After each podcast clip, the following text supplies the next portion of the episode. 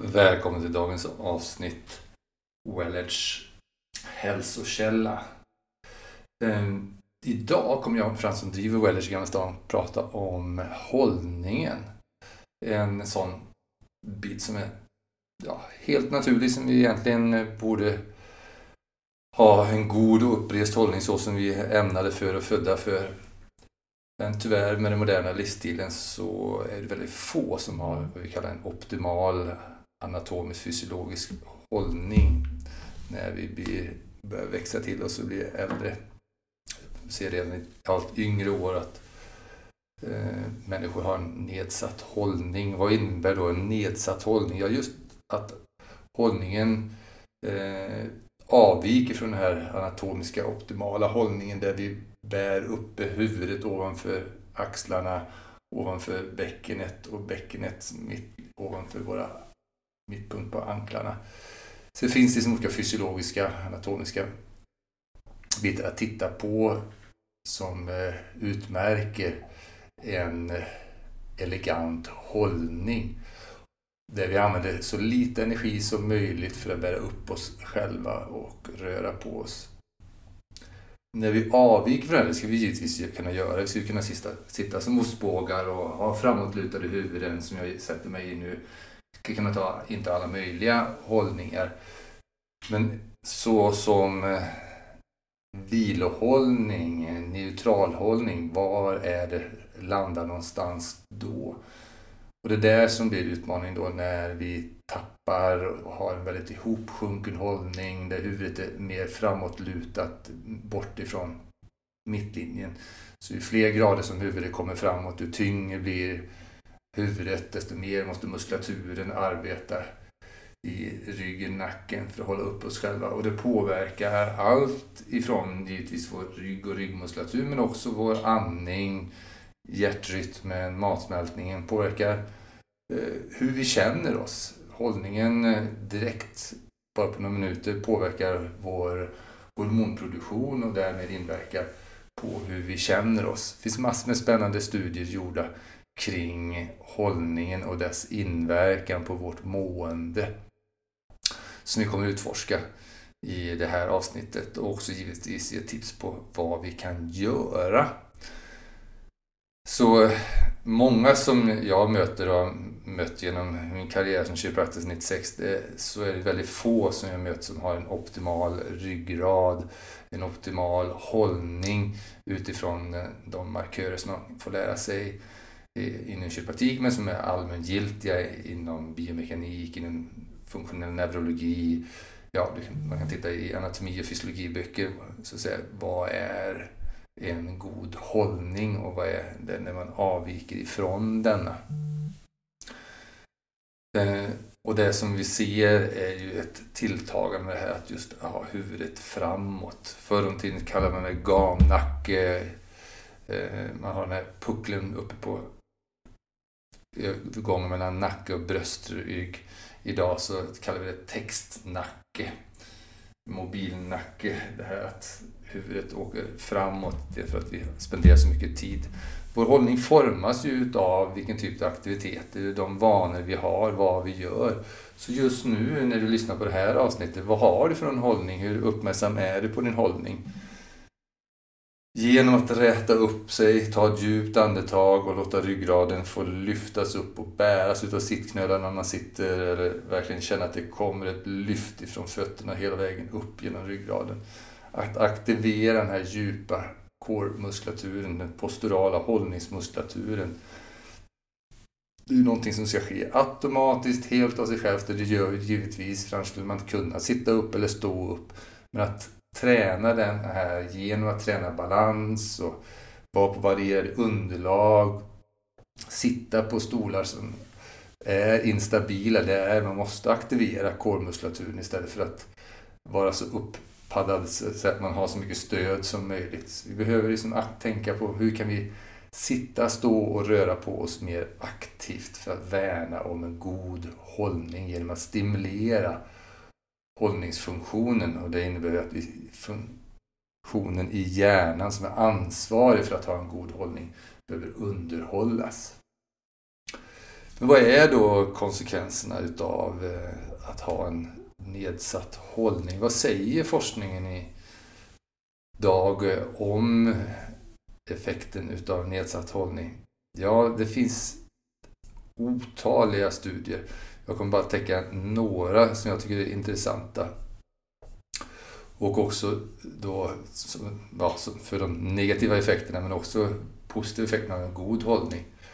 Men också då värdet utav att ägna sig åt att träna sin hållning, att förbättra sin kårmuskulatur, att göra de sakerna. Vad har det för något värde då? Det är en intressant eh, studie som man tittade på Calietten Gross. Då tittade man på vad händer med just det som sa hjärt och lungkapaciteten när huvudet är mer framåt. Då visade det att ju mer huvudet var framåt så kunde uppemot en 30-procentig reduktion utav normal lungkapacitet genom att man hade huvudet för mycket framåt. Så det är sånt som man inte tänker på men det är rätt självklart. Sjunker jag ihop här nu så direkt hör ni hur min röst ändrar sig. Jag sitter nu väldigt ihopsjunken som en ostbåge och direkt så blir det svårare för mig att ha den samma tonen på min röst. Nu har jag rättat upp mig själv igen och sträcker på mig och direkt så blir det ett annat, annan lätthet i min andning och en annan vibration i rösten förhoppningsvis som du också hör där. Men man ser också en annan studie som Ginger Charles och andra gjorde var man tittade på blodtrycket och hjärtrytmen.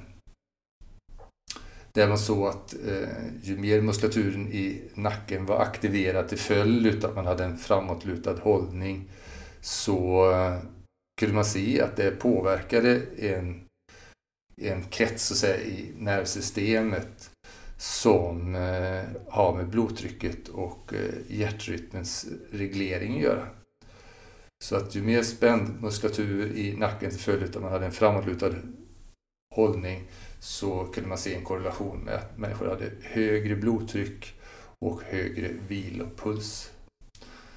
Någonting som då reverseras, vänds om så att säga, med en förbättrad hållning, en minskad muskeltonus i nacken. Det finns en som eh, brukar använda när jag föreläser kring det här med hållning och hållningen i relation till hjärnans funktion och övriga kroppen. Och det är just eh, Venikos studie som handlar om just att sittandet kan man se som den nya rökningen.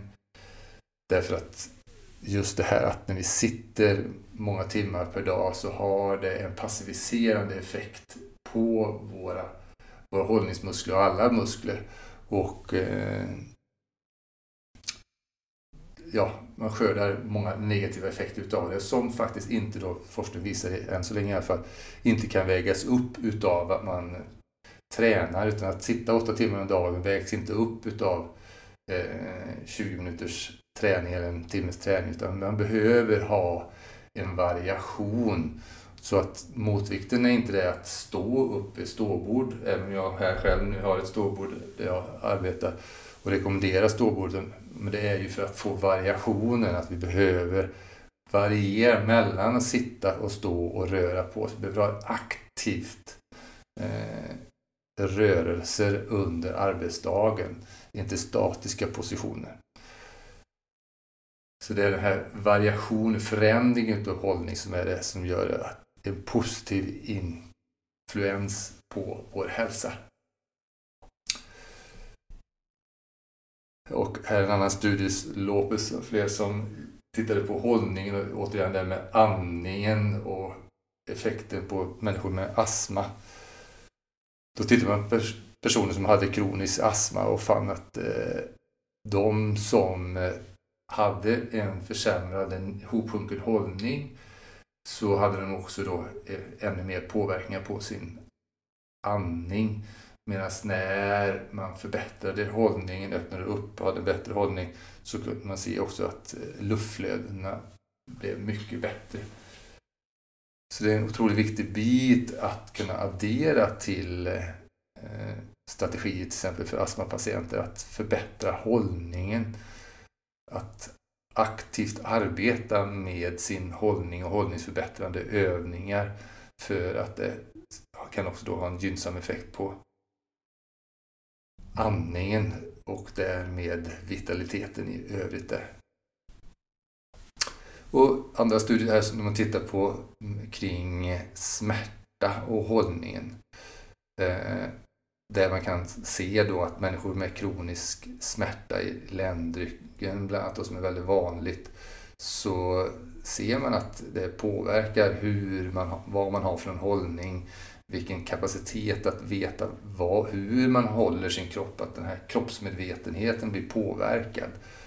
Eh, så det är en otroligt viktig bit det här, träna upp kroppsmedvetenheten, träna upp kårmuskulaturen, träna upp att förbättra hållningen för att på så sätt också fungera som en del i strategier för att förändra eh, smärtmönster, rörelsemönster och smärtmönster och hållningsmönster, hur de hänger samman. Det är någonting som givetvis jag som kiropraktor och andra inom manuell behandling jobbar mycket med, att just utöver manuell behandling, att ge olika övningar och råd för att förbättra hållningen, att ge specifika övningar som adresserar de unika obalanser som varje individ har för att förbättra hållningen.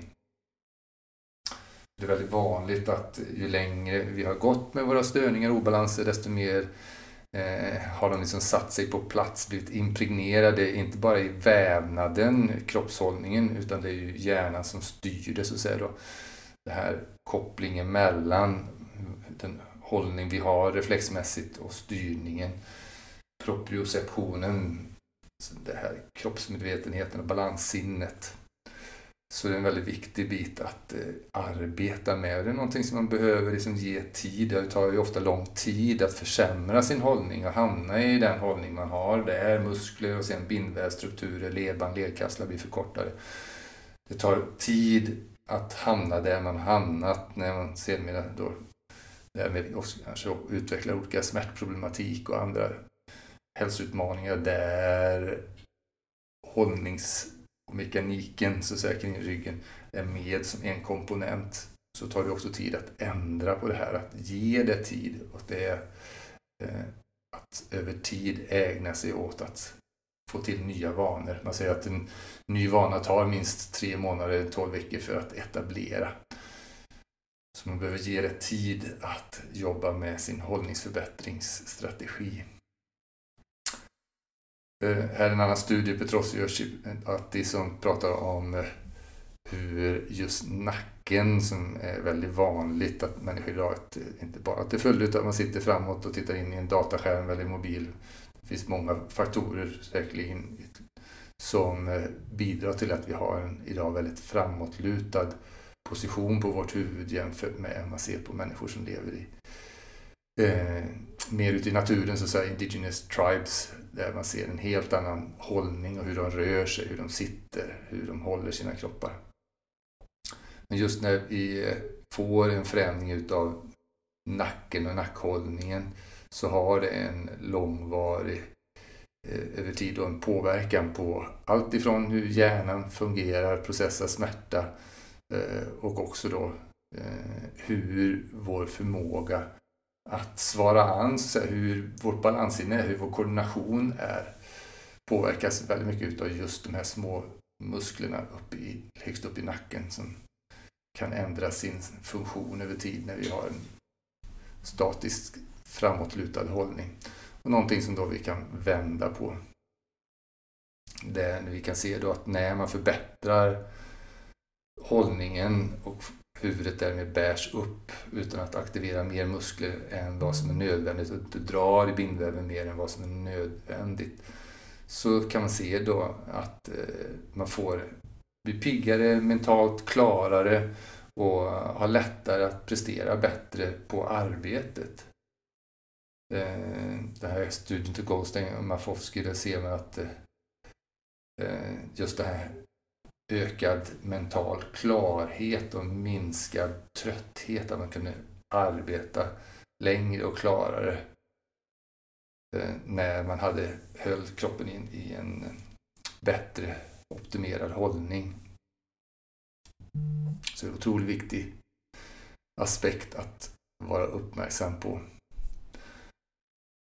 Och sen finns det en del andra studier, studier som kommer med, kring bröstryggen där hopsjunken bröstrygg som påverkar hjärta och lungkapaciteten Och har i en studie visat sig vara en tidig indikator på eh, huruvida eh, ja, för tidig död hos både män och kvinnor.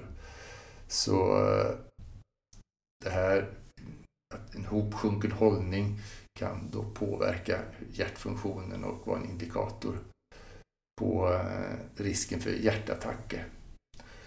Så man, många säger det här att man sjunker ihop och tappar höjden med åren på grund av att ryggen torkas ihop och disken torkas upp. Det finns ju många funktioner. En är ju att vi tappar hållning så att säga med åren, inte bara på grund av vad som händer i vävnaden utan att vi inte kanske alla då sköter om vår hållning. Och då kunde man se att eh, ju mer hållning som hade tappats så var det associerat med en ökad risk för hjärtattack. Faktiskt eh, eh, hos män som hade tappat en, en, mellan 1 till 2 cm så kan man se en 42% i ökning utav risken för hjärtattacker. Så en mer motiverande för att förbättra sin hållning och jobba på att få en upprätad hållning. Så vad kan du göra just nu för att sträcka upp din hållning. Oberoende om du står eller går. Bara ta, som jag sa, vi gjorde tidigare, ta ett djupt andetag och räta upp på ryggraden. Känna in ryggraden, få det här lyftet inifrån, nerifrån, upp. Där man med stödet av andningen rätar upp och sträcker upp hållningen. Ta små minipauser under dagen, om det bara är sådana små bitar, att bara räta upp, känna att man aktiverar sin hållningsmuskulatur typ inifrån ut, nerifrån upp. Så att huvudet lyfts upp mot skyn. Så hur känner du dig nu när du gjort det där?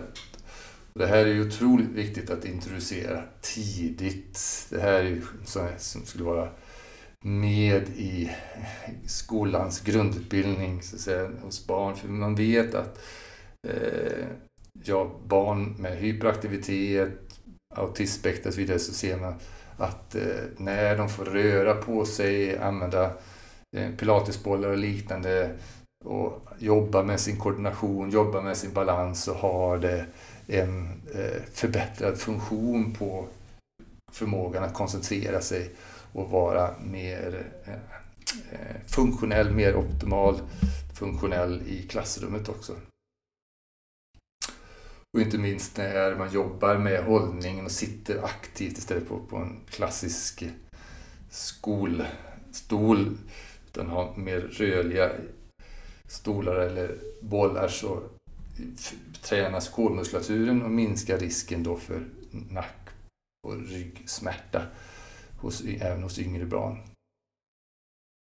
En intressant studie här heter Killing hon visade på att barn som eh, tidigare var diagnostiserade med ADHD, som ökar mer och mer, eh, faktiskt fick förbättrat beteende, kunde vara mer produktiva i skolan när de satt på vad man kallar terapibollar då, men det, pilatesbollar är klassiskt, men de här runda mjuka bollarna man sitter på, där man får jobba med att sitta med balansen aktiverad jämfört med de som fick sitta på vanliga klassiska statiska stolar.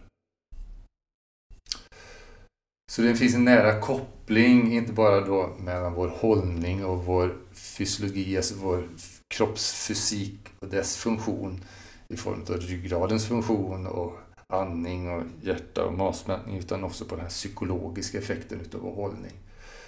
Som jag sa i början så har man gjort en intressant studie där eh, man tittade på neurotransmittorer och annat, testosteron och kortison och olika stresshormoner för att se vad hände med människor som satt i en hopsjunken hållning och en lågstatushållning som jag sätter mig nu, ni hör direkt min röst ändrar sig, kontra en högstatusposition där man har en mer öppen eh, hållning. Och så kunde man se att det var en skifte efter två minuter på de här olika stresshormonerna så att en mer hopsjunken hållning så var det minskade testosteronnivåer, högre kortisol, stresshormoner. Omvänt då med en upprät högstatushållning så kunde man se lägre stress, kortisolpåslag, högre testosteron, vilket ser att man har en mer motiverad, mer energisk. Så att man kunde se att eh, förmågan att vilja vara aktiv och ta för sig ökade med att hålla sig själv i en förbättrad hållning. Med alla sådana här studier så behövs det ju fler, men det här är en annan av Anette och Peter Jansson gjordes 2012 då de kunde titta på den här psykologiska kopplingen mellan hållning och hur det påverkar hur vi känner oss och hur vi tänker och även minnesfunktionen. Så det finns många intressanta bitar här. Eh, och vart tanken, uppmärksamheten går.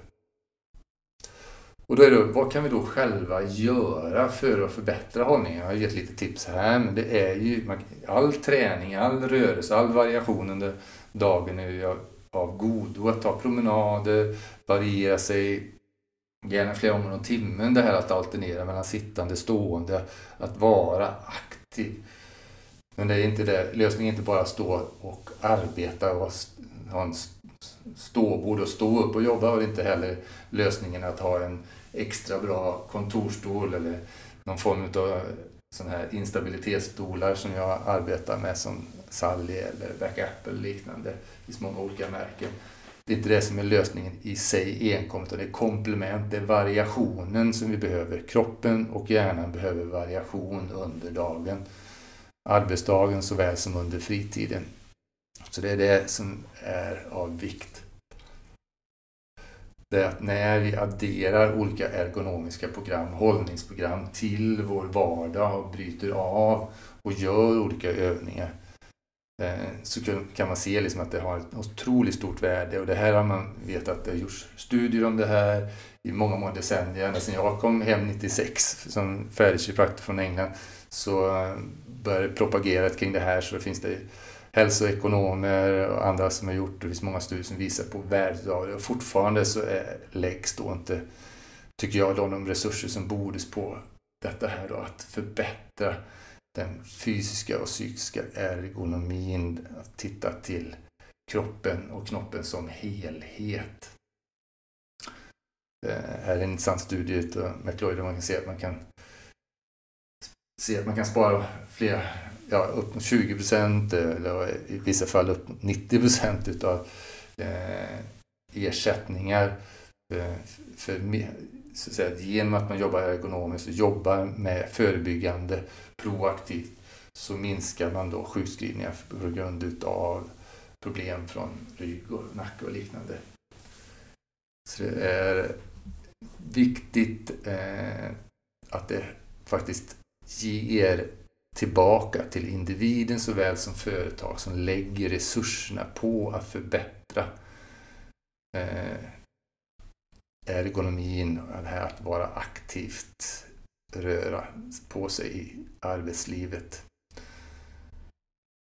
Så hållningsprogram som jag jobbar med, min ryggskola online till exempel, som man kan hitta på ryggskola.se Eh, Eh, det är en sånt, det har satt samman olika former utav övningar just för att ge stöd till att arbeta med hållningen. Övningar som man lätt kan göra med minipauser för att bryta av vardagen och så att säga gå igenom nacke, axlar, bröstrygg, ländrygg och hela ryggen för att på så sätt få till den här cirkulationen och aktiveringen av kolmuskulaturen som inte bara då gör godo för kroppen utan också för knoppen.